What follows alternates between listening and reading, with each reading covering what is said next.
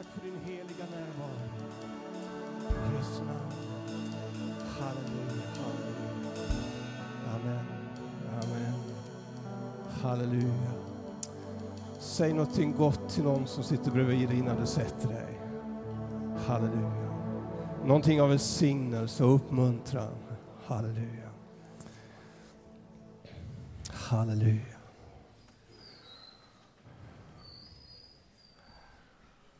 Vi har ett motto i vår församling, eller en slogan, jag vet inte riktigt vilket som är rätt, mest, rätt, mest rätt, och det är att vi är en kyrka för alla nationer och alla generationer. Amen. Och Gud älskar alla nationer, det vet vi. Vi är många nationer samlade här idag. Och Gud älskar alla generationer. Gud älskar den unga generationen så enormt mycket, men han älskar den äldre generationen lika mycket och han älskar alla andra generationer däremellan också lika mycket. Och det är underbart att det är på det sättet att Gud älskar eh, alla generationer. Jag tror det ligger i Guds DNA med alla generationer och Gud vill att generationerna ska kopplas samman på ett underbart sätt. Och det är så här att Gud, han, varje ny generation som kommer söker Gud på ett speciellt sätt. För Gud han vill använda varje generation på sitt unika sätt. Eh, på ett sätt som fungerar i den tid som den generationen lever, växer upp och lever i. Och Gud vill att den, varje generation ska ha framgång i Guds rike. Så varje generation är viktig för Gud.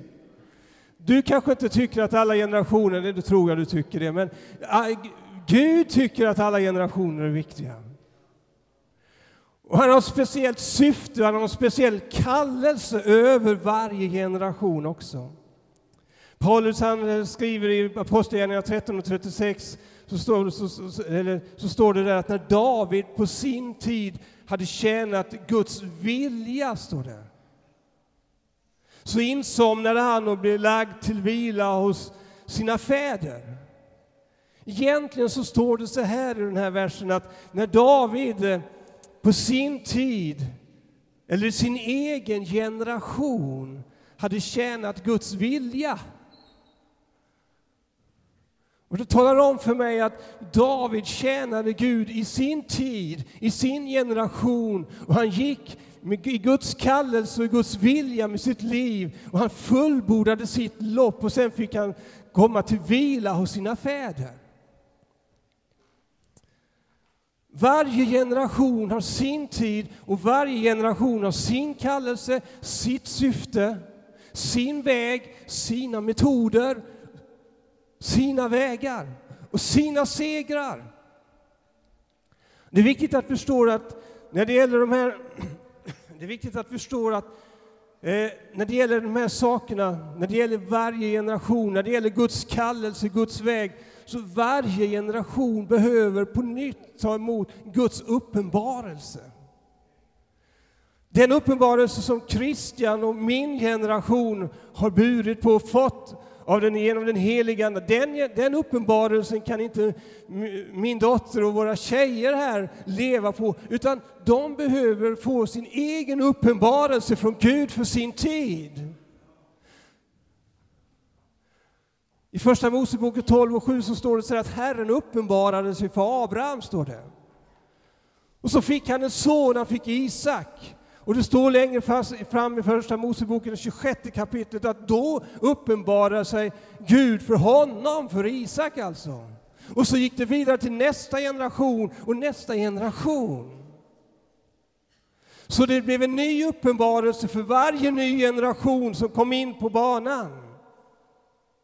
För varje generation hade sin kallelse, sin speciella kallelse, sin speciella syfte och sin speciella tid som de skulle tjäna Gud i.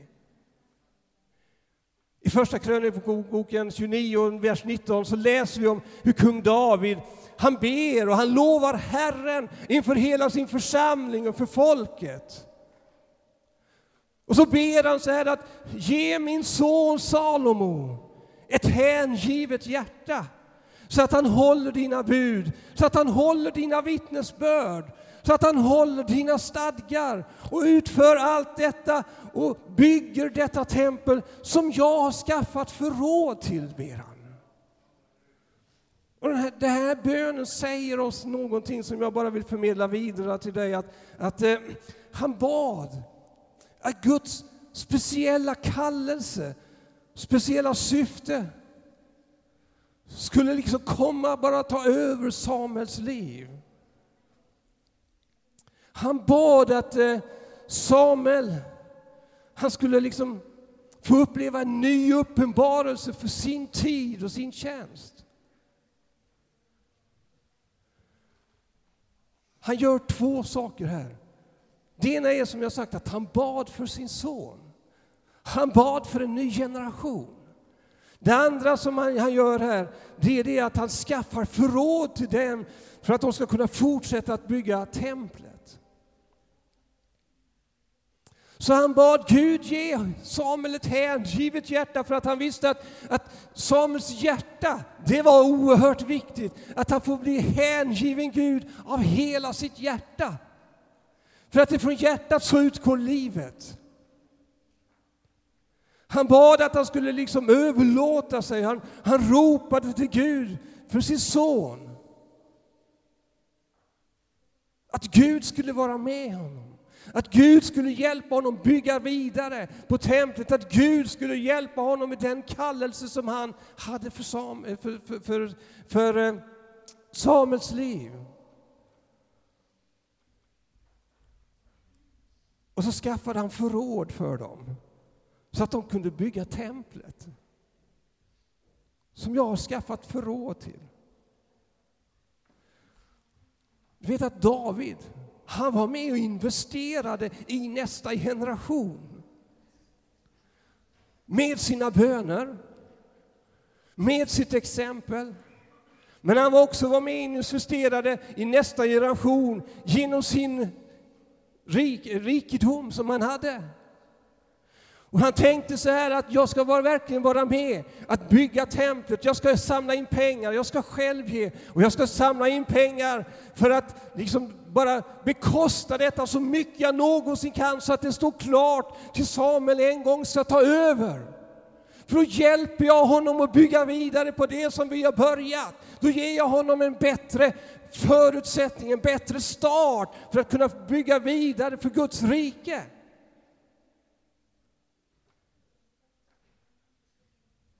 Så han var med och investerade i nästa generation. Han sådde in det så att de skulle kunna bygga någonting som var större än han hade byggt.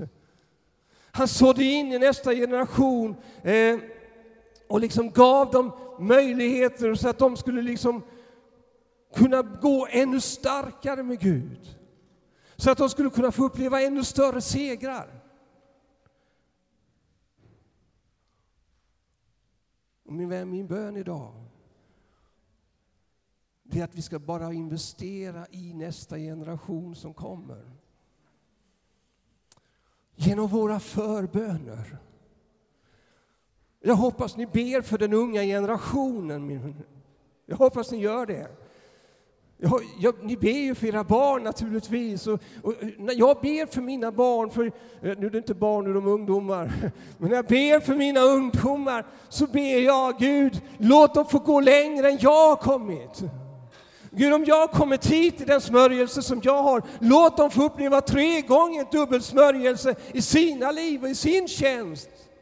Gud, om jag har fått vara med och be så här många till frälsning, låt dem få se att de får gå mycket, mycket längre. Gud, om jag har segrat på ett visst sätt, låt dem få segra ännu mer, Gud. Det är min bön. Och då ser jag inte ner på mitt eget liv för det, men jag ber att de ska få nå, om jag har nått hit, så ska de få nå dit bort i Guds rike. Jag ber att, att Gud ska verka i dem, att de ska få ett helöverlåtet hjärta.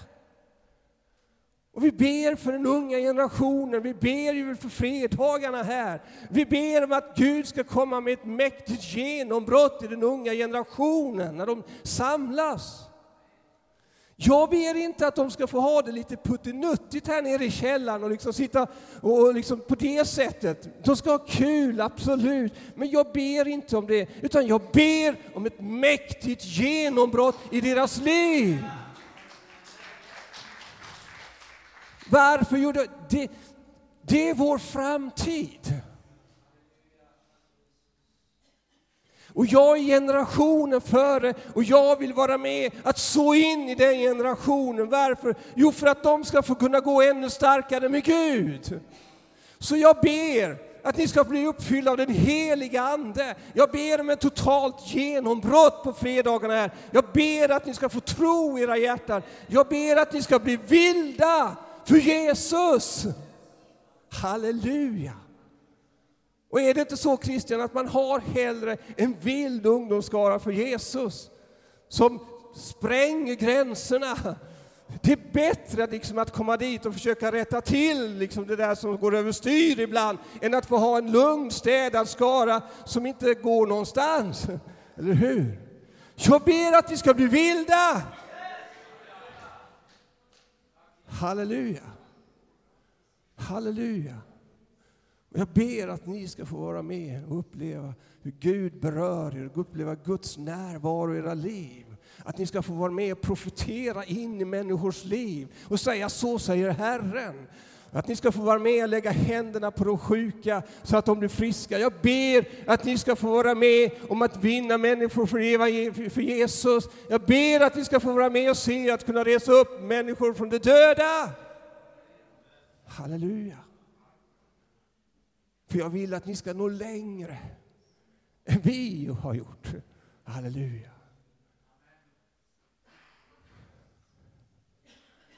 Och du vet att Salomo, han fick en mäktigare tjänst. Han fick en mäktigare tid. Och det berodde inte bara på att David hade varit med och så in i det, utan hade du tagit bort Davids förmögenhet som han hade sått in, så hade Salomo långt större rikedom, långt större ära än David hade. Så Gud hade en ny tid för Salomo. Halleluja.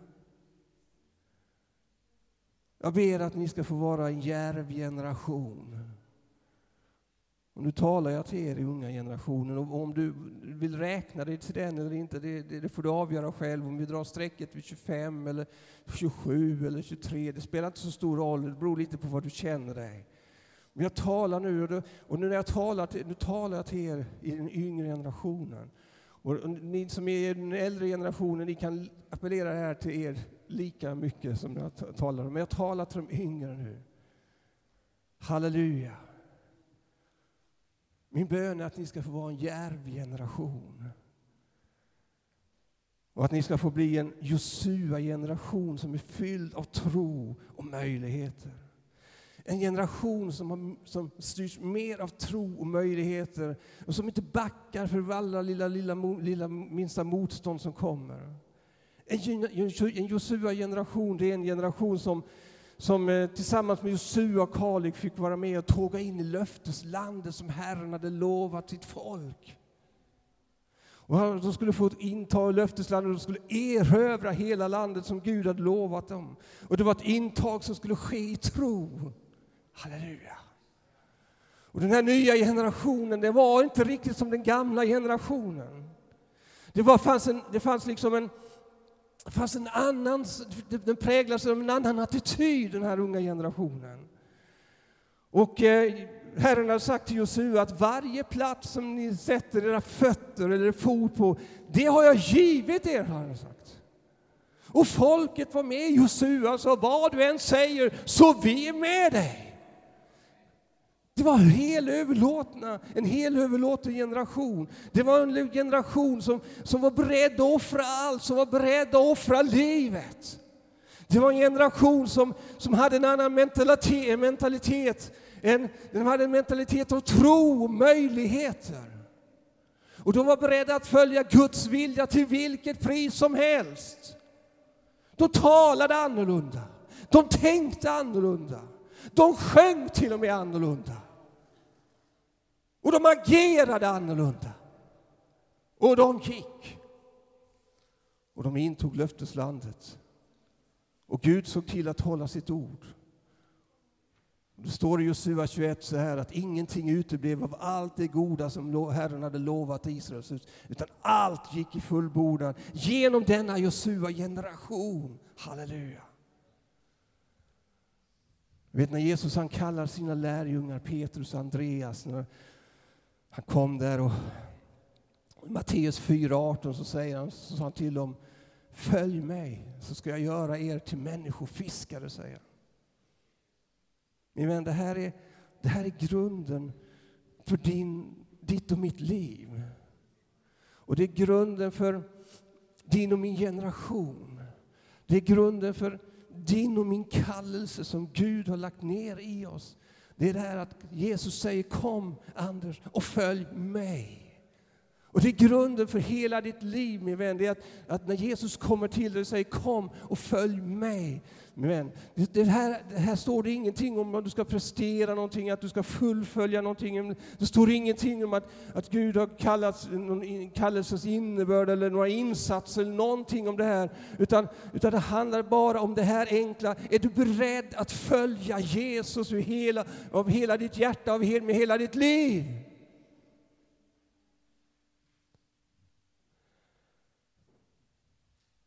För det var inte uppgiften i första hand det handlade om, även om man säger att jag ska göra er till människofiskare. Utan det var det här, följ mig. Det var det som förvandlade Petrus och Andreas liv. Det var det som satte dem i rätt ställning inför Gud. När de mötte Jesus med sina liv. Och så följde han dem. Vet du att vi alla kallade till Jesus. Min vän, en ung generation, när jag talar till nu, ni kallade till Jesus varenda en av er.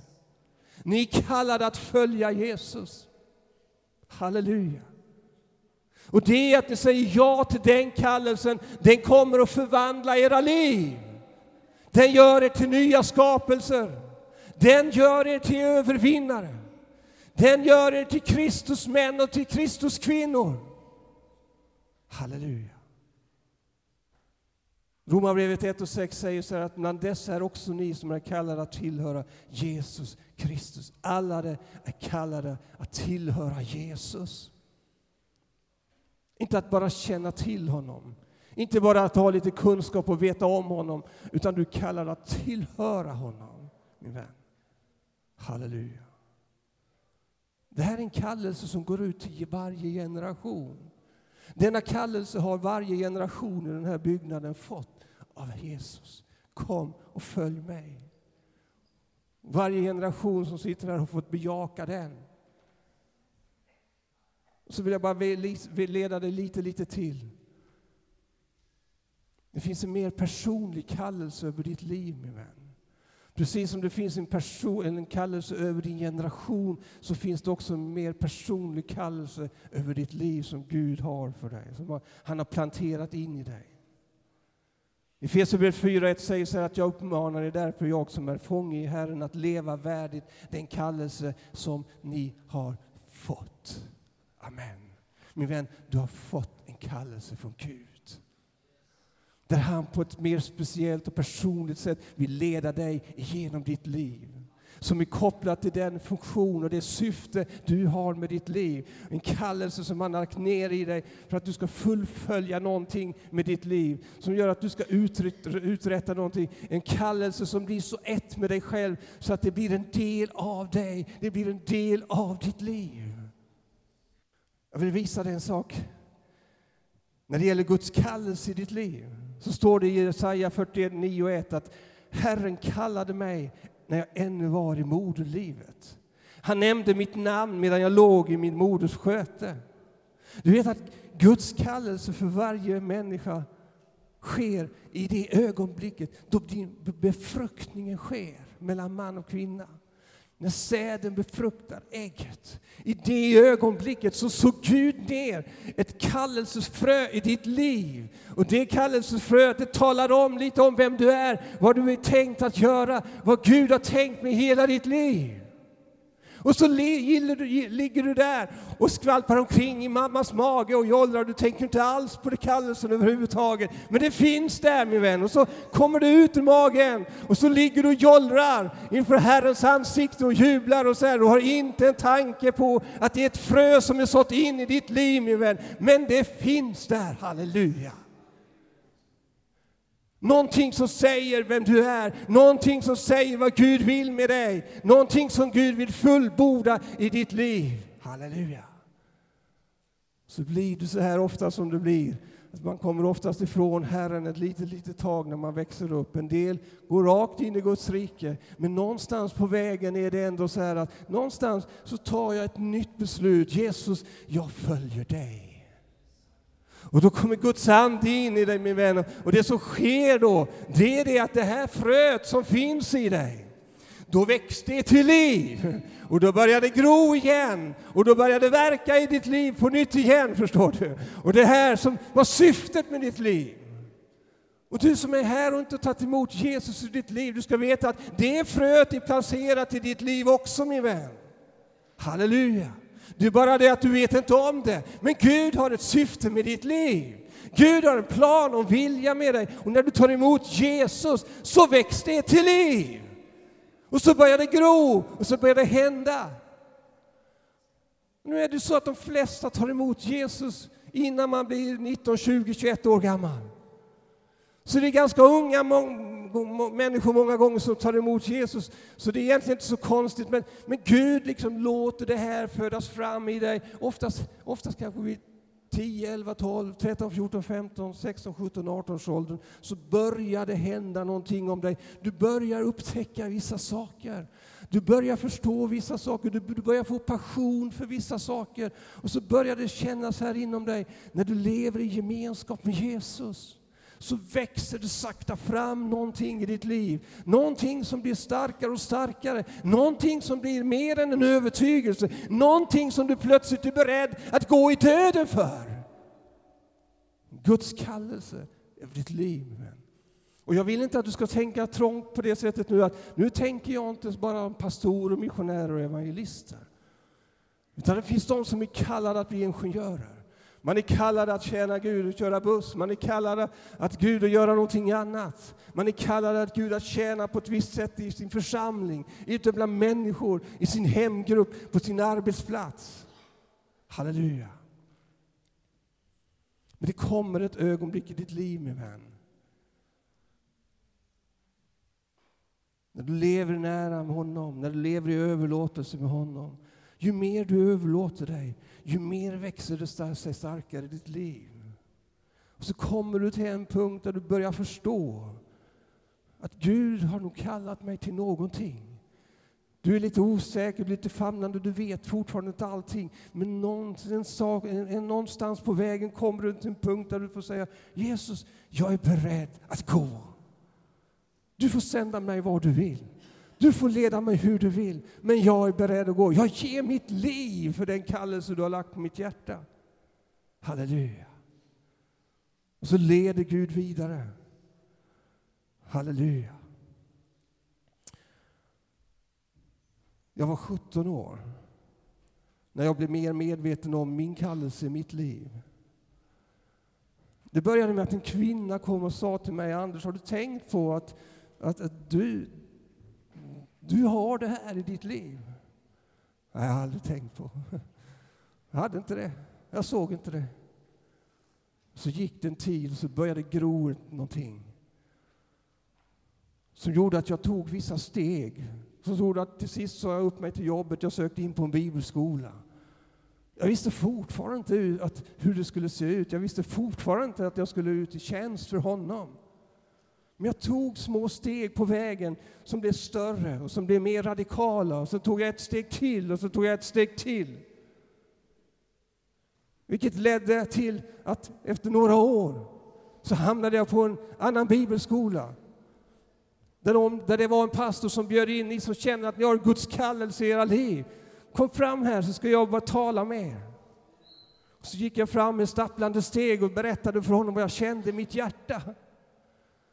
Jag hade ingen profetisk hälsning, jag hade ingen uppenbarelse, jag bara kände, jag bara visste att det var någonting där. Och han bekräftar min kallelse och sänder ut mig. Halleluja. Jag var lika grön. Jag var lika... Första gången jag predikade, jag stod och, och darrade byxorna, de skakade som ett asplöv, jag var så nervös. Jag visste inte vad jag skulle säga eller någonting. Jag hade hittat ett papper från en ungdomssamling där de har haft ett litet utkast som jag tog med mig, för jag visste inte hur man skulle förbereda en predikan. Och jag läste upp de bibelorden där och sa någonting, Gud hjälpte mig och de tyckte det var jättebra. Det var så jag började. Min vän, Gud har förberett något för dig i ditt liv. Det finns en kallelse över ditt liv. Det finns en kallelse över er generation. Och min bön här idag är att du på något sätt ska ta ett steg framåt och säga Gud, här är jag. Jag är beredd att gå din väg. Halleluja. Jag är beredd att gå din väg av hela mitt hjärta. Halleluja. Bara någon sak att säga till sig innan vi ber för varandra här. Ibland gör vi det här med Guds vilja så svårt och Guds kallelse så svårt. Jag tänkte på det när Gud kallade Moses. Då, då, det var, då var han ute och vaktade fåren som vanligt. Han skötte sitt jobb. Han gjorde det han brukade göra. Plötsligt så kom Gud där och uppenbarade honom i den brinnande busken. Har ni tänkt på det? Men han gjorde ingenting speciellt. Han hade ingen uppenbarelse eller någonting. Och ibland så brukar vi göra det så svårt för att på något sätt så sitter vi och väntar och Gud, nu kommer snart molnen och skingrar sig. Och så kommer din eldskrift eller din molnskrift eller vad det nu är, eller din röst kommer att säga till mig, gå. Oftast leder det till att vi, vi gör ingenting. Vi kommer ingenstans. Varför? Jo, för vi bara sitter och väntar på att någonting ska hända som aldrig kommer att hända. Och därför vill jag säga så här, min vän. Var inte så rädd för att göra någonting som du tror att det kan vara utanför Guds vilja. Vi är så rädda att om jag gör det, men tänk om inte det är Gud, du Gud i det här. Men var inte så rädd för det, utan lev vardagligt, lev som vanligt. Och jag vill säga så här, var aktiv. Var aktiv i din församling, gör det som du brukar göra. Sköt powerpointen, sköt ljudet, sjung lovsånger, var med och be, var med och jobba med barnen och så vidare. Var i kaféet, stå som vaktmästare. För Gud han har omsorg om dig. Och om, om han har en kallelse som han vill förmedla något speciellt till dig, då gör han det. Sitt inte passiv min vän, utan var igång. Du vet, det är mycket lättare att styra ett skepp som har fart än ett som står helt stilla. Och en del de säger så att ja, jag ska predika evangelium för världen. Det är fantastiskt min vän. Jag har träffat flera som ska predika evangelium för världen. De har inte kommit dit än, men eh, kanske någon gång snart. Och där, på den stora arenan, där ska man vara. Och så väntar man på att man ska få ta sitt stora kliv ända bort dit. Och här, i Jesu namn, så står man. Förstår ni? Min vän, hur ska den helige Ande kunna få dig att ta nästa steg om du inte har tagit det första lilla steget? Och ett litet steg till. Och ett till. Så min vän, var aktiv i Guds rike så kommer Guds ande att leda dig och han kommer att få dig att ta nästa steg och nästa steg. Och en dag snart, då är du på väg dit som du känner att du är kallad till min vän. Halleluja. Halleluja. Var överlåten. Min vän, var överlåten. Se till att ha en daglig överlåtelse till Herren. Älska honom av hela ditt hjärta. Gör det. Och min vän, du behöver inte vara så nervös om du ska börja göra fel eller inte. Utan Bibeln är den största uppenbarelsen och den säger att vi kallar det att vara hans lärjungar, eller hur? Den säger att du ska gå ut och evangelisera, eller hur? Du ska gå ut i hela världen och vinna. Det behöver du ingen uppenbarelse för. Bibeln säger att jag ska vara en sann tillbedjare i ande och sanning. Jag behöver ingen uppenbarelse för det. Eller hur Bosse? Läs första Korinthierbrevet 12, 13 och 14 eh, om, om kroppen. Du ser att du har en funktion. Det, det, det, är så mycket som Gud har redan visat oss. Du behöver ingen uppenbarelse för det. Utan var aktiv, var överlåten. Sätt Jesus på tronen i ditt liv. Låt han vara den enda kungen på, i ditt hjärta, men. Så kommer Gud att leda dig. Jag tror vi ska sluta här nu. Ska vi komma fram, lovsångsteamet? Och jag skulle bara vilja be för dig. Att du skulle bli mer medveten om Guds kallelse i ditt liv idag. Du som ung människa. Jag skulle vilja att vi som äldre generationer ber för den unga generationen. Att de får komma in i en medvetenhet om Guds kallelse i deras liv. Jag tänker på de här unga tjejerna här. De blir 14 år i år och en blir 15 tror jag. En ny generation, en ny tid, en ny kallelse, en ny uppenbarelse. Ska vi be för vår unga generation idag? Att det får ske. Och om det är så att du som har lyssnat känner att det är någonting som har berört i ditt hjärta idag så får du gärna komma fram här och böja dig inför Herren. Vi ska be för dig. Och när vi ber för dig, min vän, då kommer det inte innebära att det bara är någonting som är färdigt på en gång i ditt liv. Utan vi kommer be för dig att du får vara en process där Gud får verka i dig och där Gud får leda dig steg för det steg. Där Gud får hjälpa dig att, att ta steg på sätt som du kanske inte hade anat att du kunde göra. Och Gud kommer att leda dig in i den kallelse och syfte han har med ditt liv. Halleluja. Ska vi resa på oss? Halleluja. Fader, vi prisar dig. Mm.